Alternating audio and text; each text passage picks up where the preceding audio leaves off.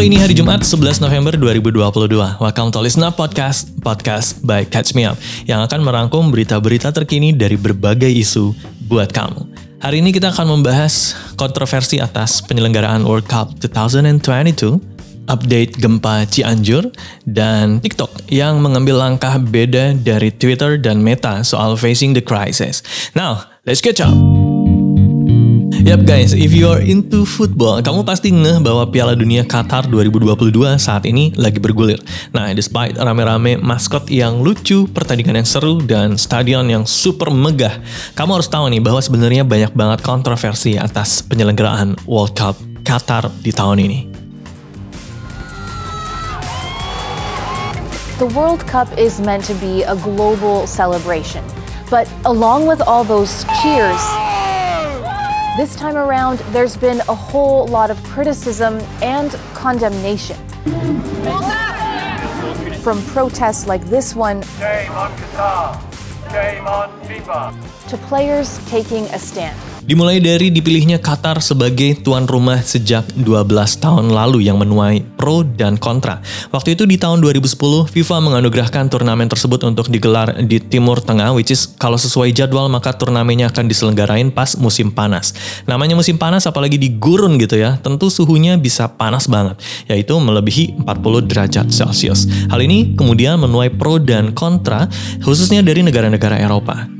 Terus di tahun 2015, FIFA merekomendasikan agar Qatar jadi tuan rumah Piala Dunia untuk waktu yang lebih singkat dan di bulan-bulan yang lebih dingin, around November dan Desember.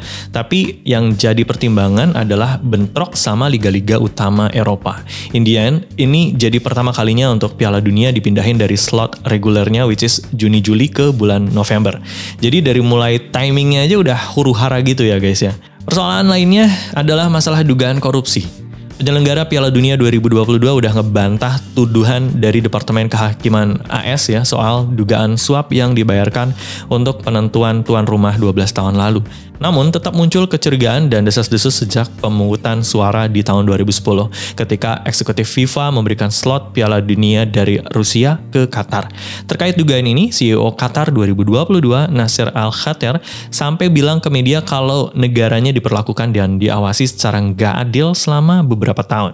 Masalah lainnya adalah soal kritik dari kelompok hak asasi manusia atas perlakuan Qatar terhadap pekerja migran yang merupakan salah satu kelompok populasi terbesar di sana. Jadi kalau menurut laporan Amnesty International, hak-hak pekerja yang membangun berbagai infrastruktur Piala Dunia itu nggak cuma terpinggirkan tapi juga udah dilanggar. Mulai dari ditahannya gaji mereka sampai sikon kerja yang nggak aman aka berbahaya. Atas dugaan ini, pemerintah Qatar menjelaskan bahwa sistem pemburuhannya masih dalam proses. Mereka juga membantah tuduhan yang bilang kalau ribuan pekerja migran di sana terjebak dan dieksploitasi isu LGBT udah pasti ilegal di negara muslim itu ya. Makanya sejumlah pemain sepak bola agak khawatir soal supporter mereka yang bakal datang ke acara tersebut, apalagi mereka yang merupakan kaum LGBT. Tapi penyelenggara Piala Dunia sih berulang kali bilang kalau everyone could come. Terlepas dari orientasi dan latar belakang seksual mereka, siapa aja boleh datang ke turnamen tersebut. Eh, tapi tiba-tiba dua minggu banget sebelum putaran final digelar, Khalid Salman, duta Piala Dunia Qatar bilang kalau homoseksualitas itu merupakan kerusakan pikiran. Bahkan dia bilang kalau siapa pun yang datang ke Qatar harus bisa menerima aturan di sana. Piala Dunia Qatar akan menjadi yang pertama kalinya digelar di negara mayoritas muslim dengan kontrol ketat soal alkohol. Untuk turnamen kali ini, Qatar bahkan melarang penjualan bir di stadion. Hal ini kemudian jadi tantangan tersendiri untuk pihak sponsor dan penyelenggara khususnya yang didukung sama produsen bir. David Beckham yang jadi duta Piala Dunia Qatar ternyata juga dikritik sama banyak pihak. Menurut kelompok hak asasi, perannya jadi duta itu nggak fair dan kurang sportif gara-gara dapat bayaran yang gede. Oke, itu dia tentang Piala Dunia Qatar. Sekarang kita ke berita selanjutnya. Gempa Cianjur yang kerasa getarannya sampai ke Jabodetabek sampai sekarang masih jadi headline di mana-mana. Gak terkecuali Bapak Ibu di DPR RI yang lagi rapat bareng Badan Meteorologi, Klimatologi, dan Geofisika, aka BMKG, waktu gempa terjadi. Nah, pas ini berbagai macam sifat dan sikap manusia muncul di situ guys. Sikap gimana ya maksudnya? well, jadi gini ceritanya. Waktu gempa yang terjadi Senin siang kemarin itu, masyarakat kan pasti lagi di, melakukan berbagai aktivitas ya. Termasuk termasuk Bapak Ibu Wakil Rakyat ini. Mereka juga lagi kerja membahas, lagi rapat ya, membahas masalah negara. Adapun salah satu rapat yang digelar adalah antara Komisi 5 bersama BMKG, BNPB, dan Basarnas membahas masalah kebencanaan yang akhir tahun ini banyak banget terjadi di tanah air. Nah, waktu Wakil Ketua Komisi 5 DPR RI Robert Rowe membuka rapatnya, dan the earthquake happened, di mana getarannya kerasa sampai Senayan pas di mana tempat mereka mengadakan rapat. Nah, Sebagaimana orang yang udah punya knowledge terkait mitigasi bencana gempa, Kepala BMKG Bu Dwi Korita Karnawati yang hadir di situ langsung refleks berlindung di balik meja. Orang-orang juga udah mulai panik kan di situ, tapi belum pada masuk ke bawah meja tuh. Dan ada satu yang masih santuy duduk di kursinya, yap, Pak Robert Rowe, yang bahkan sempat ketawa-tawa lucu gitu guys. Terus ngejoke, Ini BMKG bikin gempa ini. ini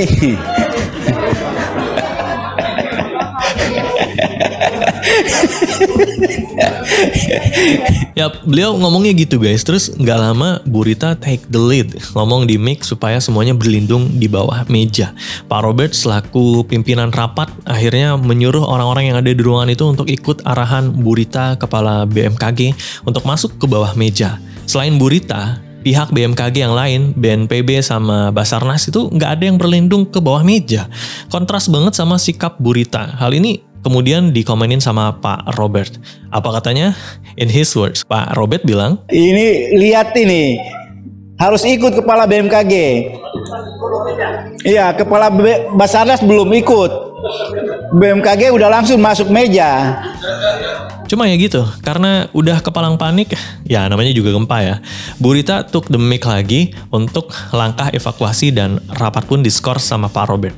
Nah, sikap Pak Robert ini ternyata kalau dilihat-lihat lagi dinilai kurang tepat ya guys. Meanwhile, Pak Robert sendiri bilang dia ketawa karena emang nggak tahu kalau ada gempa kudu berlindung di bawah meja. Jadi kayak menertawakan diri sendiri dan teman-temannya sesama anggota dewan gitu ya. Makanya di situ beliau juga menyampaikan mitigasi bencana mulai dari what to do and how we do it. Kalau lagi ada gempa, either itu di bangunan tinggi atau di bangunan rendah. Itu penting bukan cuma untuk masyarakat ya, tapi juga untuk anggota DPR. Kata beliau, ini menjadi suatu catatan kita ketua untuk juga disampaikan kepada Pamdal kita di DPR ini untuk ketika gempa seperti apa supaya tenaga ahli sekretariat di gedung DPR ini tahu seperti apa yang harus dilakukan. Gitu katanya. Oke, anyone saying anything?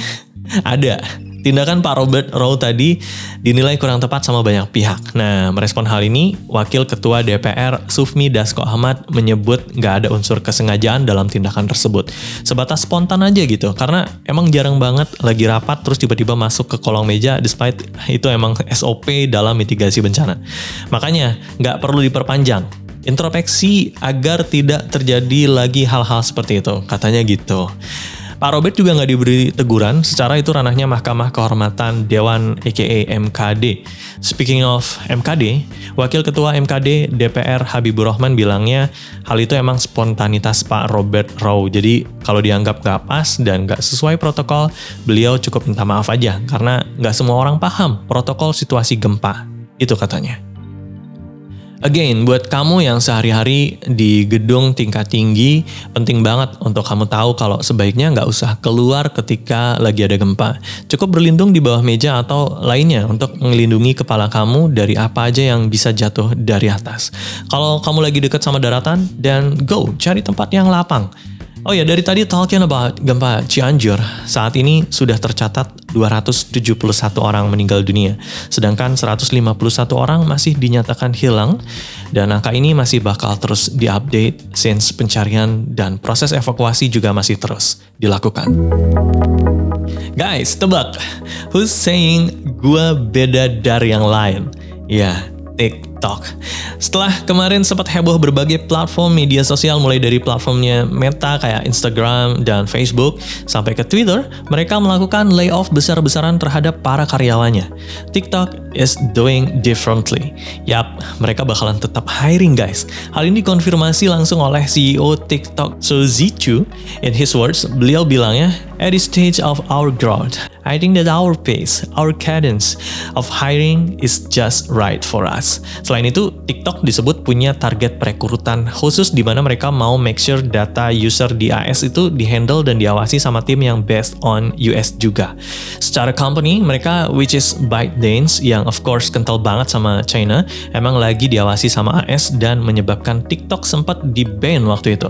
Nah, dengan adanya TikTok yang masih hiring begini, Hal ini bisa menguntungkan banget dong untuk TikTok buat semakin mengukuhkan namanya di Amerika Serikat dan juga untuk develop produk-produk mereka supaya lebih berkembang lagi. Saat ini, website karirnya TikTok menyantumkan 4.000 opportunities worldwide, bahkan disebut ada role baru kayak logistic warehouse officer-nya untuk kantor yang ada di Amerika Serikat. Now you know who's just giving you some luck, okay? Good luck fighters and see you on next episode. Happy weekend! Thank you.